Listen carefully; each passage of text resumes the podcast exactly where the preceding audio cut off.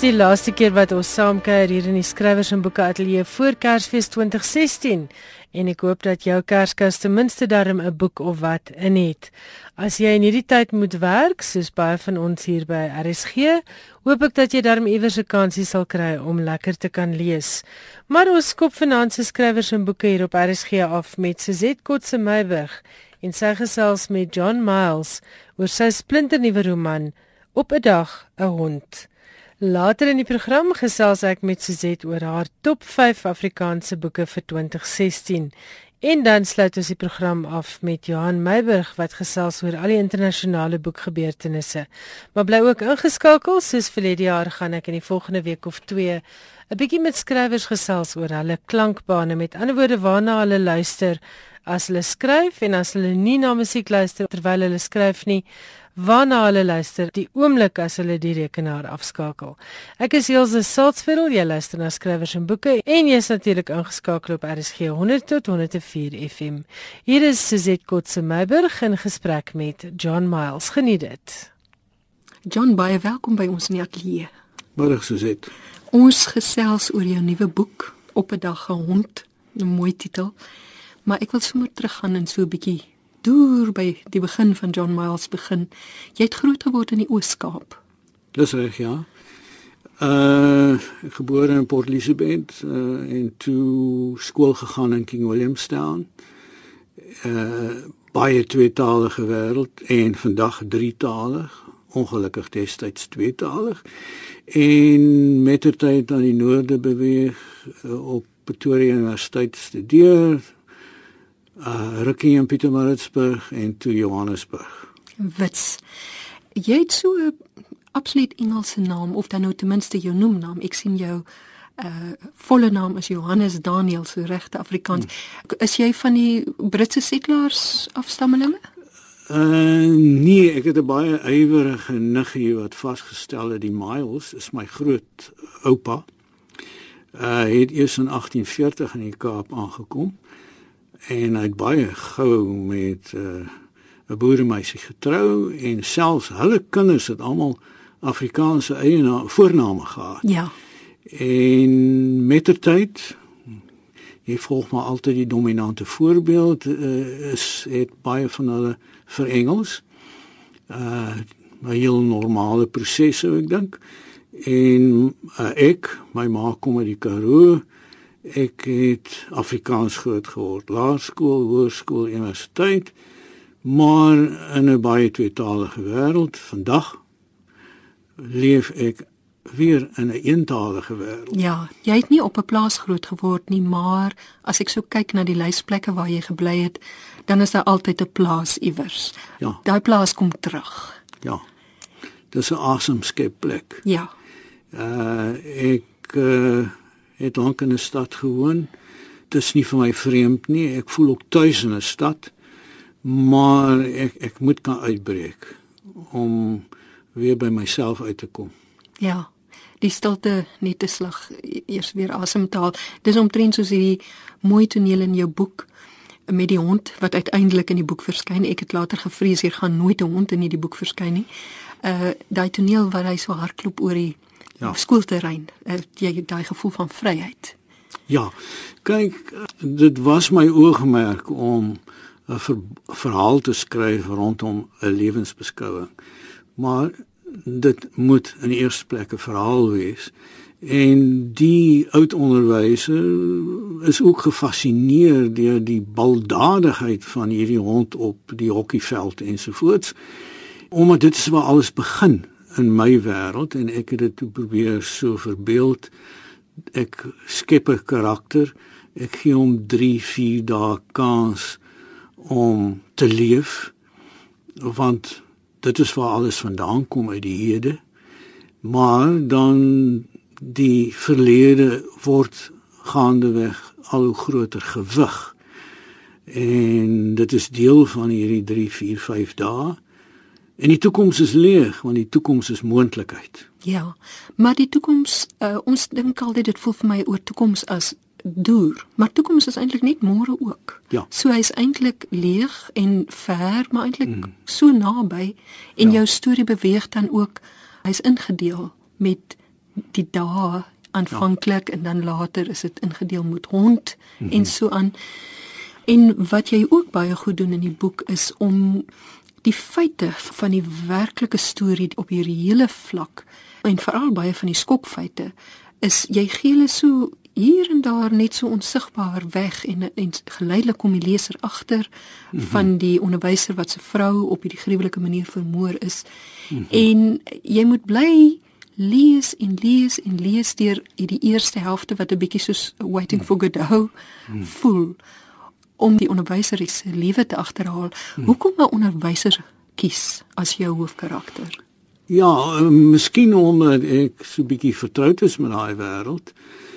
Maar dit is natuurlik ook uh, in my geval 'n teken van my moedswilligheid wat telkens na vore kom. Uh hy het iets om te leer vir ander mense. en jy sê heeltemal reg die die verhouding of hoe ek dit ook sien die verhouding tussen hede en toekoms en daar bring ek die kans element so sterk in of wat mense miskien ook kan gaan noem die element van toeval daar's soveel toevallighede in die boek dat dit amper 'n boek van toeval word. Maar die, die oorgang tussen die hede en die toekoms kan op verskillende maniere kan verskillende rigtings inslaan. Ja. Ek dink baie maal dat mense wat so sterk oortuig is dat daar 'n plan in hulle lewe is, is eintlik die slagoffer van 'n waanbeeld want dit is altyd terugskouend terugskouend herken jy 'n patroon en ja. herken jy moontlike plan.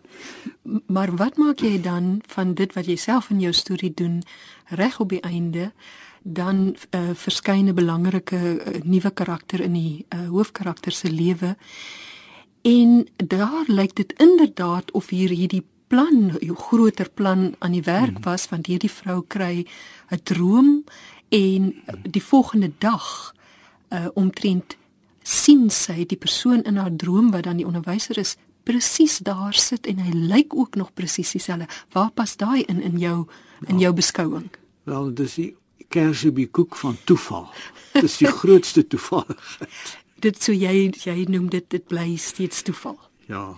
En uh, wel uh, ek uh, as manipuleerder agter die onderwyser uh, het 'n gedagte gehad sonder om nou te wil interpreteer het 'n gedagte gehad dat dit weer 'n nuwe begin is met die moontlikheid van herhaling maar dit ja. kan ook anders verloop soos in die geval van Sisyphus wat daagliks die klipberg uit moet dra uh, uitdra en neersit en die klip wat al telkens uh, afrol hierdie keer kan hy dalk net bo bly ek twyfel. Jy is uh, een van die bekende 60er skrywers. As jy nou terugkyk op die tydperk van 60, die, die baanbrekende werk wat gedoen is deur hele klomp uh, Breiten, Andrei Brink, Jan Rabie, hmm. Abraham de Vries. Hoe sien jy die beweging van 60 wat ek weet ek het al gelees dat die 60er skrywers sê ja maar ons wil nie so genoem word nie dit is dis 'n etiket wat geskep is mm -hmm. maar jy daarom self in die letterkunde mm -hmm. Afrikaanse letterkunde lank klas gegee so jy mag nou nie uitwikkel uit hierdie uh kategorisering uit nie maar as jy terugkyk op op die 60er beweging hoe sien jy dit vandag Nee, ek uh, dink Afrikaanse letterkunde kan trots wees of uh, op op so so weggebreek van 'n smorende tradisie ook en daarmee wil ek nie alles van die sogenaamde ou prosa ontken nie, nee, skrywers soos van Melle het die grootste agting voor. Maar dit wat met die 60's gebeur het, het uh, in soveel letterkundes gebeur na die Tweede Wêreldoorlog. En wat die die, die tipiese patrone van die Nederlandse 50's herken ons in ons 60's. Ek moet net byvoeg uh, ek is destyds 'n 70er genoem.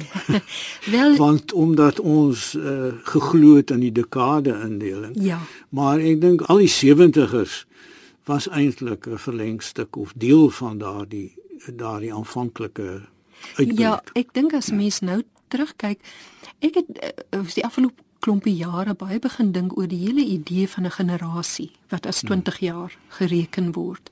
Die die redelike tyd waarin 'n mens homself kan of sal reproduseer. En eh, die 70ers het, het basies verdwyn, dis die 60ers en dan is dit weer die 80ers. Ja. Maar jy het eintlik John Miles vir elke dekade gebly tot vandag toe, want jy het eerste jou eerste boekpublikasie was 1970. En mhm. so hou jy deur al die jare aan om te publiseer. Ek het jou werk leer ken in my eerste jaar op universiteit 1986 was 'n uh, voorgeskrewe boek Blaaskans die bewegings van Flipnel en ook met jou tematiek daar uh, die die oorlog die die die hele weermag agtergrond en so en maak jou net so stere 80er. Ja, ek moet 'n bietjie dink daaroor. nee, nee, dit is so kyk daai uh, heel eerste prosa van my wat in 1970 verskyn het, is eintlik geskryf in die 60er jare. En uh, my betrokkeheid by die uh, tydskrif Kol het eintlik gemaak dat ek uh, my roman opgekap het in kort kort stukke prosa. en dit was 'n ba baie amorf uh, stuk werk. En op die manier het ek gedebuteer in die prosa met met met kort uh, tekste. Uh ek hou van die roman omdat dit so 'n los amorfe vorm is soos wat ek dit uh, sien.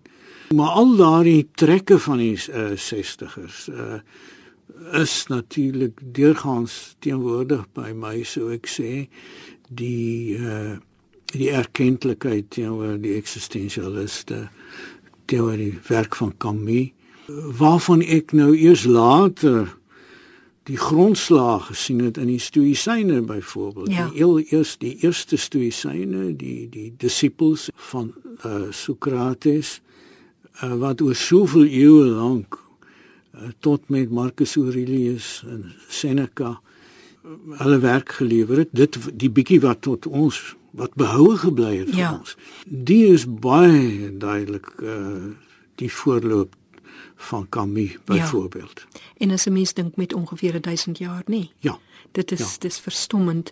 Dit was ook vir my interessant toe ek nou jou hele lewensbeskrywing bestudeer. Heel eerste van jou wat gepubliseer was was gedigte in van die literêre tydskrifte van die tyd en toe liefs nie op straat nie wat soos wat my nou verras dat jy sê dit is 'n roman van jou wat jy toe gaan opkap het in in kortverhaalvorm amper, maar uiteindelik was dit dan die roman wat jou eintlike hmm kunsvorm geraak het wat jy ja. op gekonsentreer het. Mm -hmm. Dig jy steeds hier so hier en daar 'n gedig in jou boek hier? Ek hoop jy dink dit is goed. Gelukkig is ek ek sê al die jare ek bepaal my by die prosa. Ja. Dit is uh, meer ouer werk van my, maar uh, wel as jy besig hou met die woord, dan gebeur dit en uh, hulle vertel of ek het gelees dat die Grieke aanvanklik nie 'n woord gehad het vir prosa nie. Hulle het net 'n woord gehad vir die dansende taal hmm. wat die poesie is. En ek dink dit was eers met Herodotus dat hulle 'n naam moes skryf vir hierdie genre en uh, dit is toe die naakte taal, die kaaltaal. Hmm. Hmm. En dit interesseer my die alledaagse taal om om om daarmee te werk, om ja. iets daarvan, iets blywends te maak. Ek het uh, in die roman verwys ek op 'n keer na hierdie wandelende karakters, nê, nee, Pessoa wat ja. in snags op in Lissabon loop, Walser, net uh, terloops. Maar en ook Firmor wat betrokke was by die Griekse uh, struggle en uh, ek sou graag 'n voetganger prosa wou skryf. Ja, ja. En ek meen miskien kry ek dit reg met my kommas hier. Wel ek het baie baie lekker gelees aan jou boek. Uh ek het so gehou van die die beleenheid van jou boek en ook die feit dat hy hy laat hom nie regtig vir my in 'n kategorie sit nie. En ek het my verstom aan hoe jy werk met uh met jou realiteitsvlak. Die absurde kom in daar's ironie, daar's 'n bietjie satire, daar's uh, sosiale kommentaar, maar uiteindelik bly dit storie. Dit is 'n hond storie. So ek aanvaar jy het 'n hond. 2. Eerdeels? Nee, nee, nee.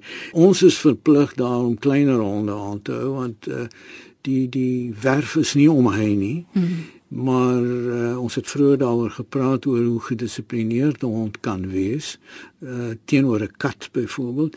Ons uh, twee kleiner fox terriers uh, is uh, so goed geleer om by die op die werf te bly. Ja. Selfs al is ons nie daar nie.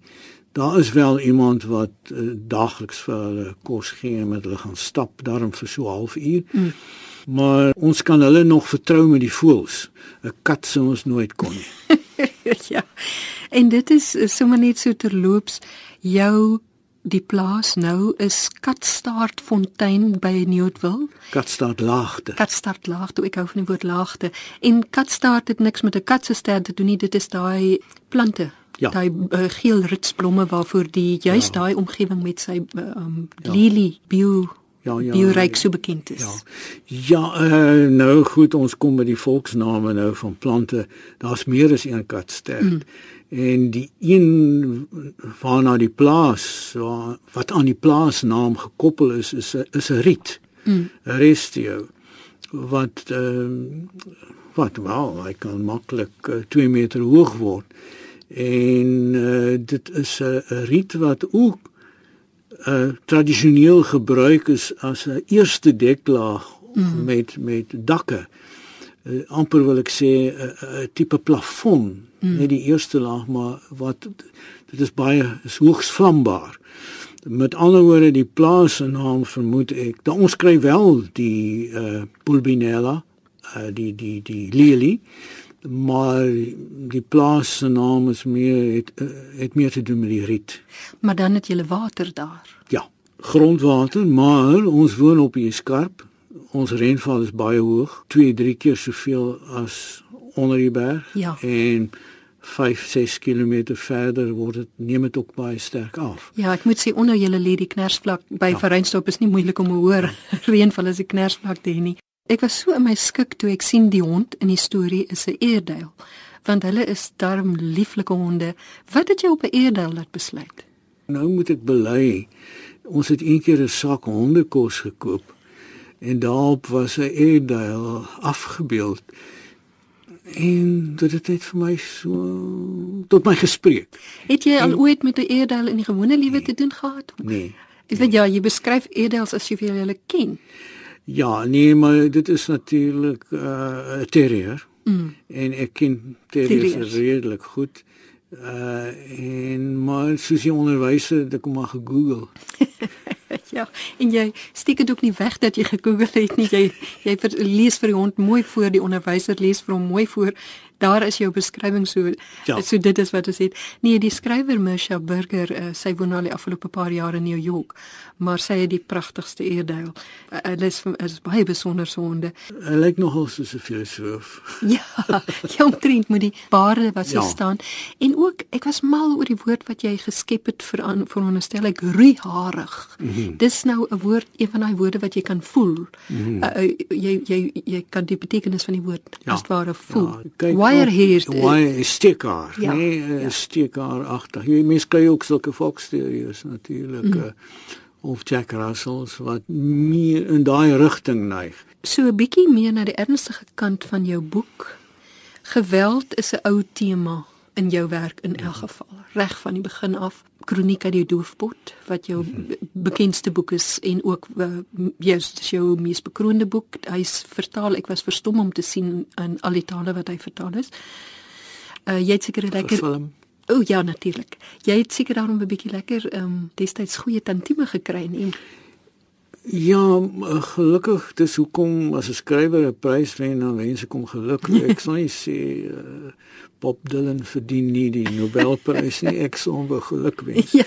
Maar uh dit is eintlik die prys uh daarmee gepaard daarmee uh, gaan heel wat beloning. Ja. Wat materieel. Ja, wat fantasties is. Hmm. Ek ben ek dink skrywers is een van die groep mense wat die hardste werk hmm. uh vir die minste monetêre beloning. Uh, behalwe natuurlik nou die die groot name, die mense wat dit reg kry om so 'n breë 'n uh, vlak van derduisende lesers te hê. Maar as ek kyk na ons Afrikaanse letterkunde en mense wat ongelooflike werk lewer en dan dan weet ek vir 'n feit dat hulle dit eintlik maar vir min geld doen en dan is jy as 'n leser dan is 'n mens net nog meer dankbaar. Uh, wat laat skryf jou? Wel, omdat ek lewe, ek, ek dit is maar net my manier van lewe, is my manier van verder asemhaal. Ek is nou nie voorskriftelik nie, ek wil nie uh, ander mense vind hulle plesier elders, maar ek kan my nie indink uh, dat ek nie 'n aantekening maak nie. Meeste gebruik ek nooit nie, maar later kan ek dit gebruik om 'n bietjie aan te vul. Soos toonlere oefen elke Ja. dag as jy nou 'n pianis Ja, sou wees. ja. Skryf jy elke dag?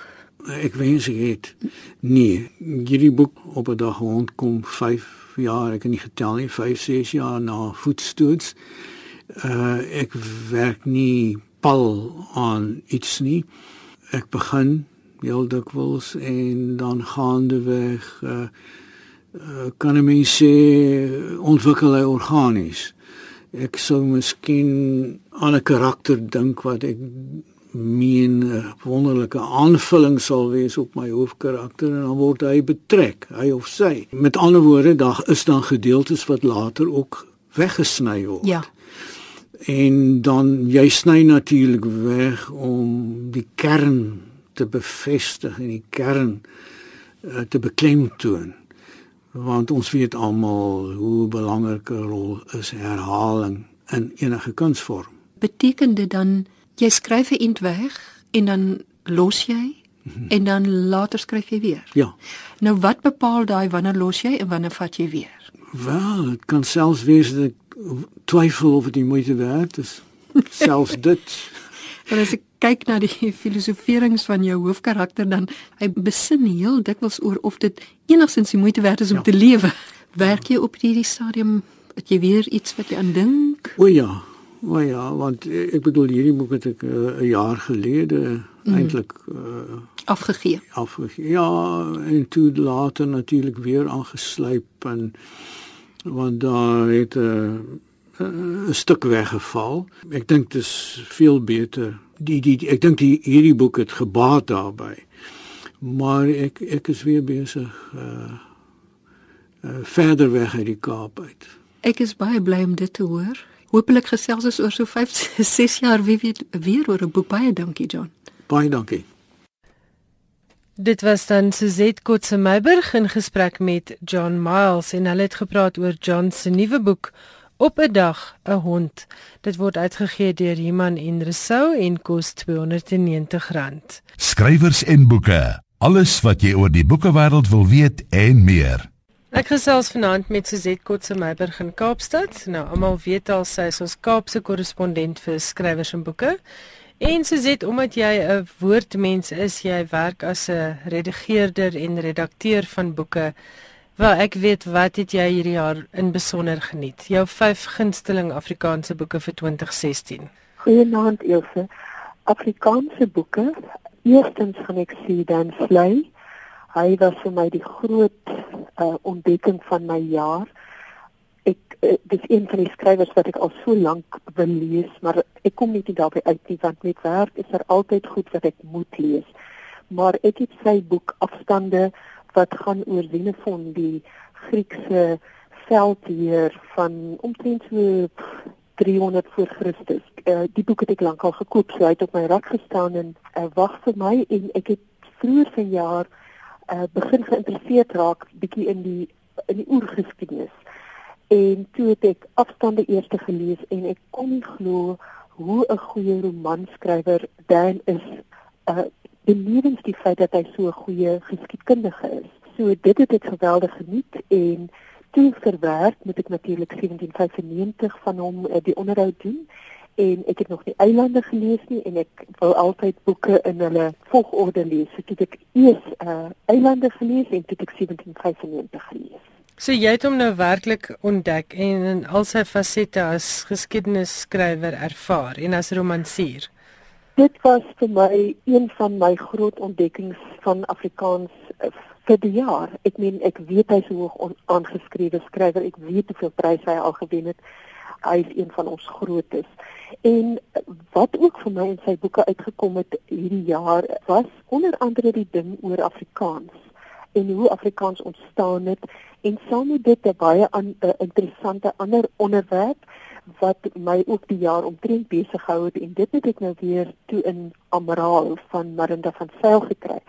En dit is die geskiedenis van die Khoi groepe met bietjie van die San geskiedenis wat ek ook hierdie jaar oor opgelees en hoe dat Afrikaans reg aan die begin ontstaan het uit daardie wisselwerking tussen die koloniste, die slawe wat uit die ooste gekom het, ook uh, swart slawe uit Madagaskar en uh, Mosambiek en daai areas en natuurlik die inheemse mense wat die Khoi en die San was. En hulle moes 'n lingua franca kry en dit is waar daardie vereenvoudigde vorm van Nederlands natuurlik 'n uh, vorm aangeneem het. Jy kry 'n soort van 'n vanagolo, 'n pidgin taal wat net so maklik as moontlik werk en kommunikeer. So Afrikaans, Nederlands se alle ingewikkelde jy weet jy tydsverwysings en daai hele struktuur dit is net weggegooi en hier het jy Afrikaans in sy bakermat. So dit was my nog 'n wonderlike ontdekking van die jaar. So jy sou sê definitief 1795 van Dan Sley is Amraal dan ook op jou lysie van vyf gunsteling boeke. Ja, en ek wil altyd sê saam met 1795 lees tog eers Eilande want in daardie monumentale hoeveelheid werk wat Dan Sley gedoen het weet jy as jy net dit vandag gaan lees, dan gaan jy die hele waar Suid-Afrika is, waar Afrikaners is, waar Afrikaans is, waar die politiek is, waar die toekoms se aanduidings lê, gaan jy net soveel beter verstaan. Wat is volgende op jou lys? Duitsland was 'n baie indrukwekkende boek vir my. Soos ek nou al reeds gesê het, ek het hierdie jaar was ek omtrent met klomp boeke wat ek nou nie kan noem nie omdat dit Engelse boeke is, maar het ek omtrent in die oorgeskiedenisse ingegaan en daardie wat Karen Breinhardt in Duitsland beskryf oor die posisie van daardie groep uh, San Busmans in die Kalahari en die hele ding rondom mense se wortels. En jy weet hoe hoe oud daardie geskiedenis is en hoe ver dit teruggaan baie verder as as enige van die ander geskiedenisse. Ek het gelees onlangs dat die Khoi groep uh, bereken hulle uh, teruggaan tot 2000 jaar gelede, nê? En die San, die Busmans is nog veel verder terug. Mense het nie eens 'n idee waar ver, uh, jy weet tot hoe ver dit strek nie. Hulle kan dit net nie uit die opgrawings presies sien nie. En wat lekker is van al hierdie boeke wat jy genoem het, dit is geskiedenis met 'n fiktiewe invalshoek. So mense ja. lees lekker daarin. Dit is nie asof jy voel jy sit deur 'n geskiedenislesing nie.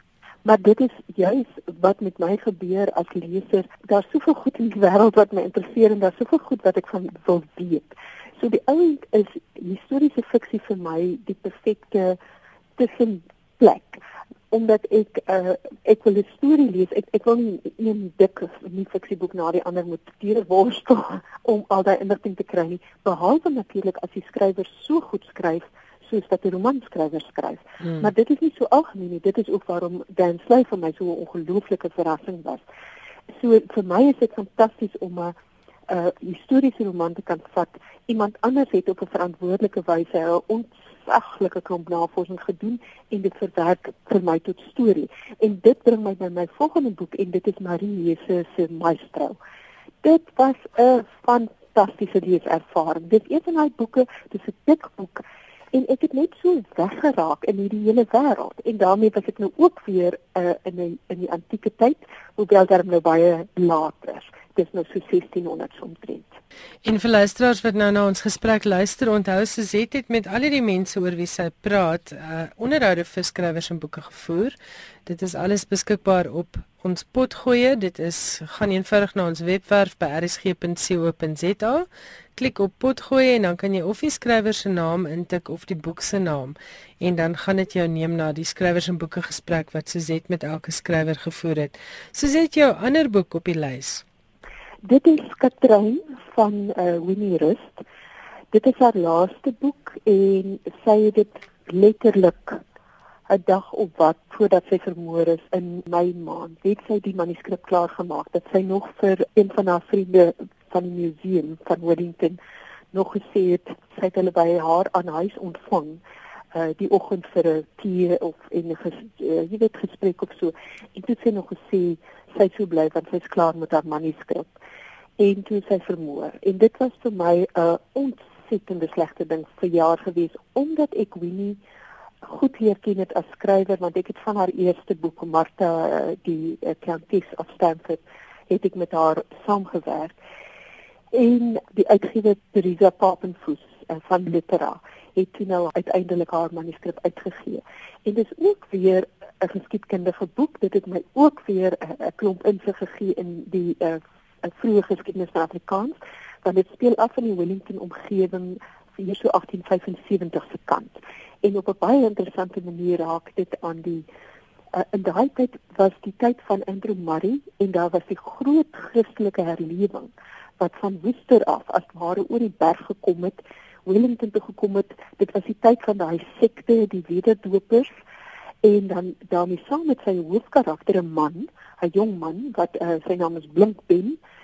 Uh en sy het hom besonder goed het ek gevoel het hierdie eintlik bejaarde vrou die binnelewe en die uh, hartstog en die denke en gevoelswêreld van hierdie ek weet jong verliefde man van die 1870 eh, uitgebeeld en dan van natuurlik nou Katrein die uh, titelkarakter wat 'n uh, 'n kroegmeisie is.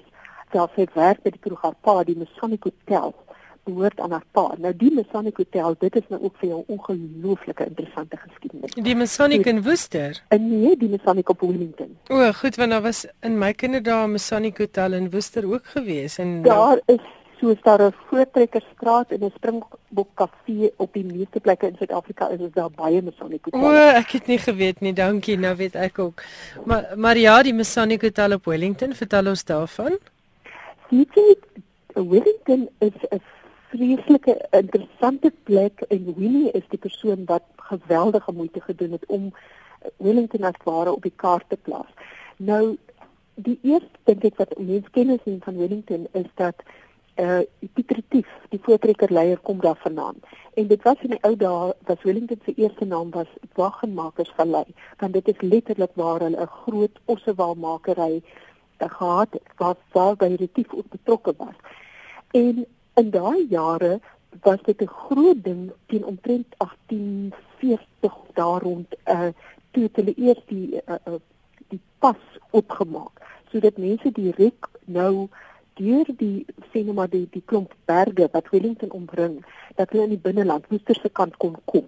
Voorheen was dit 'n ongelooflike groot storie om enigstens uit die Kaap wat half omring is deur berge uit die Boland uit uit te kom.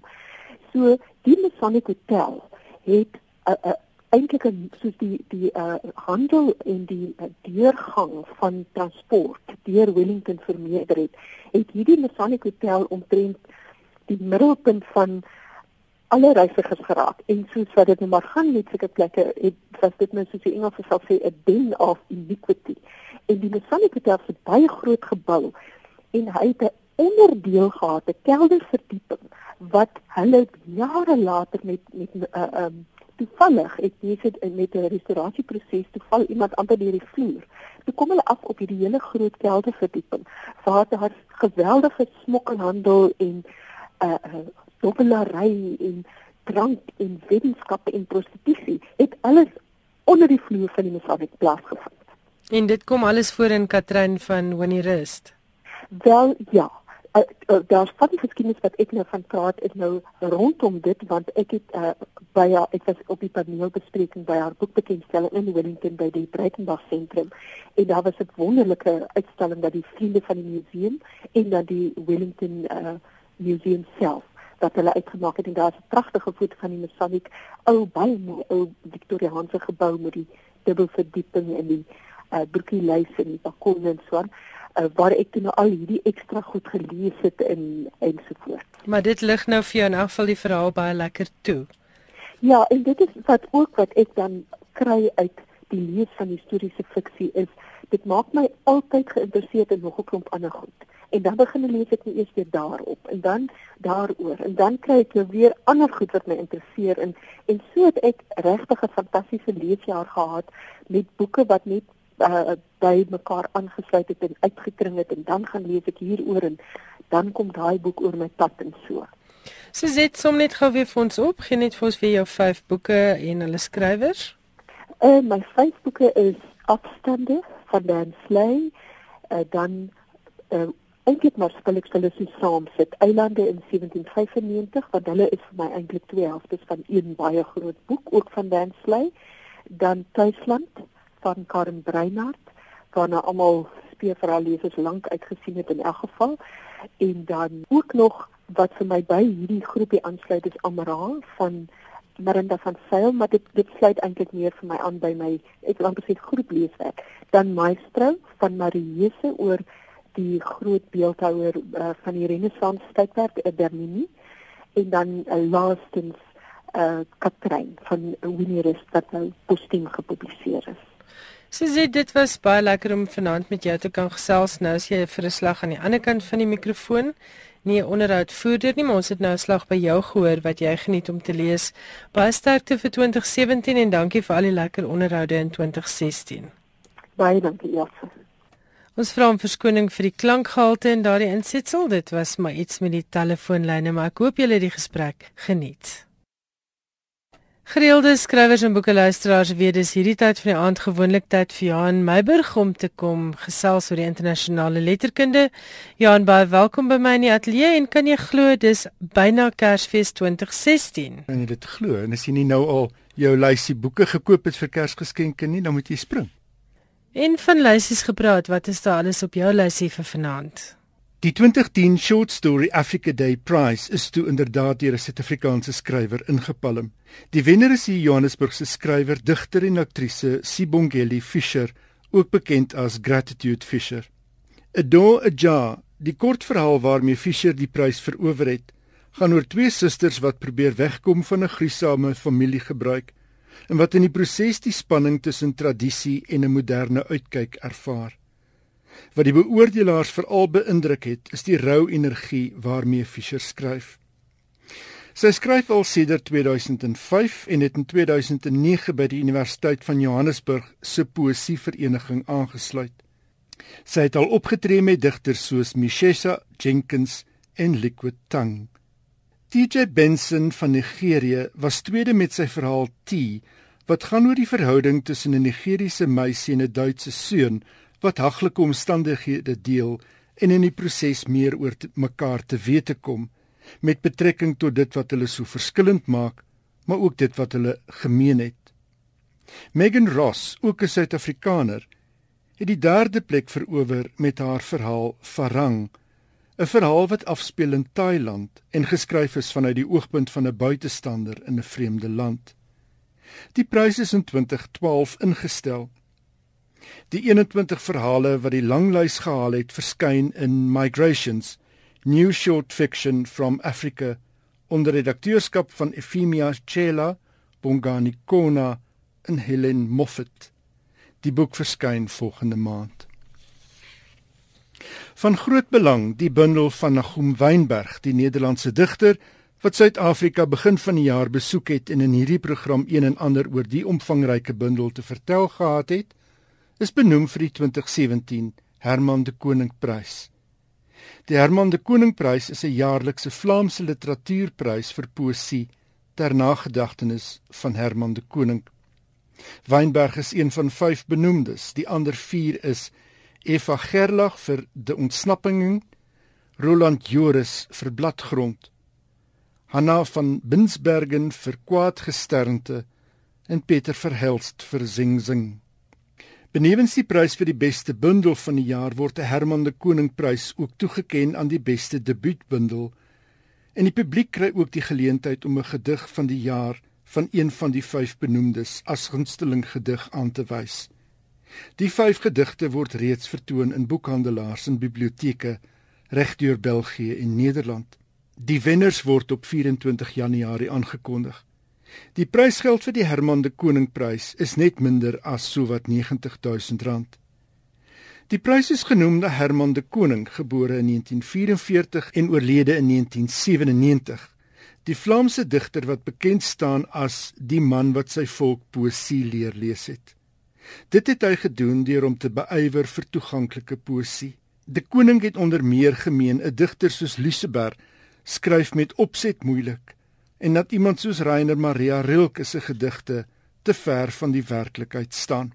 Daniel Hugo het in 1996 'n keur uit De Koning se verse in Afrikaans vertaal onder die titel Liefde Miskien. Die bundel het verskyn by Tafelberg.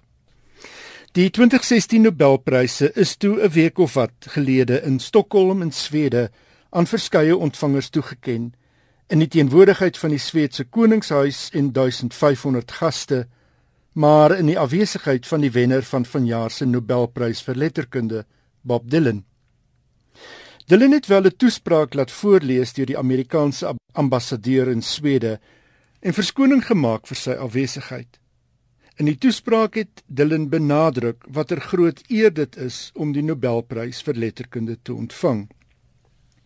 Vroeger die aand het 'n gespanne Patti Smith 'n weergawe van Dylan se A Hard Rain's Gonna Fall gesing. Halfpad deur die liedjie haarself onderbreek, verskoning gemaak, applous ontvang en toe weer aangegaan. In sy gemoedelike toespraak het die 75-jarige Dylan afgereken met die knaande vraag: "Sedert die Sweedse Akademie aangekondig het hy ontvang vanjaar die Nobelprys vir letterkunde, kwalifiseer sy liedjies as letterkunde?" Dis 'n vraag wat wyd bespreek is en waaroor die openbare mening gegons het. Dis 'n vraag wat ek nooit die tyd gehad het om myself af te vra nie, het Dylan in sy toespraak gesê. Daarom is ek dankbaar teenoor die Sweedse Akademie, enerzijds dat hulle tyd gevat het om oor die vraag te besin en anderzijds vir die wonderlike antwoord waarmee hulle vorendag gekom het. Dylan het erken die geselskap waarin hy hom bevind, die van Rudyard Kipling George Bernard Shaw, Thomas Mann, Paul Buck, Albert Camus en Ernest Hemingway laat hom sprakeloos. Horace Engdahl, lid van die Sweedse Akademie, het by die geleentheid na Dylan verwys as die gelyke van die Griekse digters, van Ovidius, van die digters van die romantiek, van die konings en koninginne van die blues en die gelyke van die vergete meesters van briljante liedere. As die literêre wêreld sou mor oor die verering, het hy bygevoeg. Moet 'n mens net onthou, die gode het nie geskryf nie. Hulle het gedans en gesing. So sit hy ons almal toe op ons plekke, nee, met daai antwoord. Inderdaad. Johan, baie dankie ons gesels volgende week weer.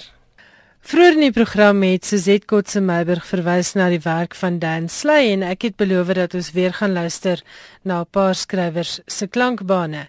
Nou, toe ek vir Dan Sley vra of hy met musiek skryf, toe is sy antwoord as volg: Ek skryf in absolute stilte om op my eie klanke en ritmes te kan konsentreer. Goeie liriek is 'n sterk stimulant. Daarom luister ek tussen werk na die met digterlike talent. Ek put inspirasie uit sensitiewe romantiese lirieke soos The First Time Ever I Saw Your Face van Roberta Flack of Loving Her Was Easier deur Chris Christofferson of dan David Kramer se evokatiewe Ek lê op my rug op die Vaalrivier se brug en al wat ek wil hê is dat jy in my arms lê. Kuns skep kuns, sê die spreekwoord. Dit dan dan sluise woorde en ons gaan vanaand se program afsluit met Roberta Flack se The First Time Ever I Saw Your Face. Onthou om volgende Woensdag aand in te skakel, dan gesels ek met Annelie Botes oor haar nuwe boek Ligkasteel en ons luister na nog 'n paar skrywers se klankbane. Ek is Elsje Salzwetel, die e-posadres is skrywersboeke@rsg.co.za en die SMS nommer is 34 024. Elke SMS kos R1. Tot volgende Woensdag aand, geniet hierdie Kerstyd, geniet die feesseisoen. Ons gesels binnekort weer. Totsiens.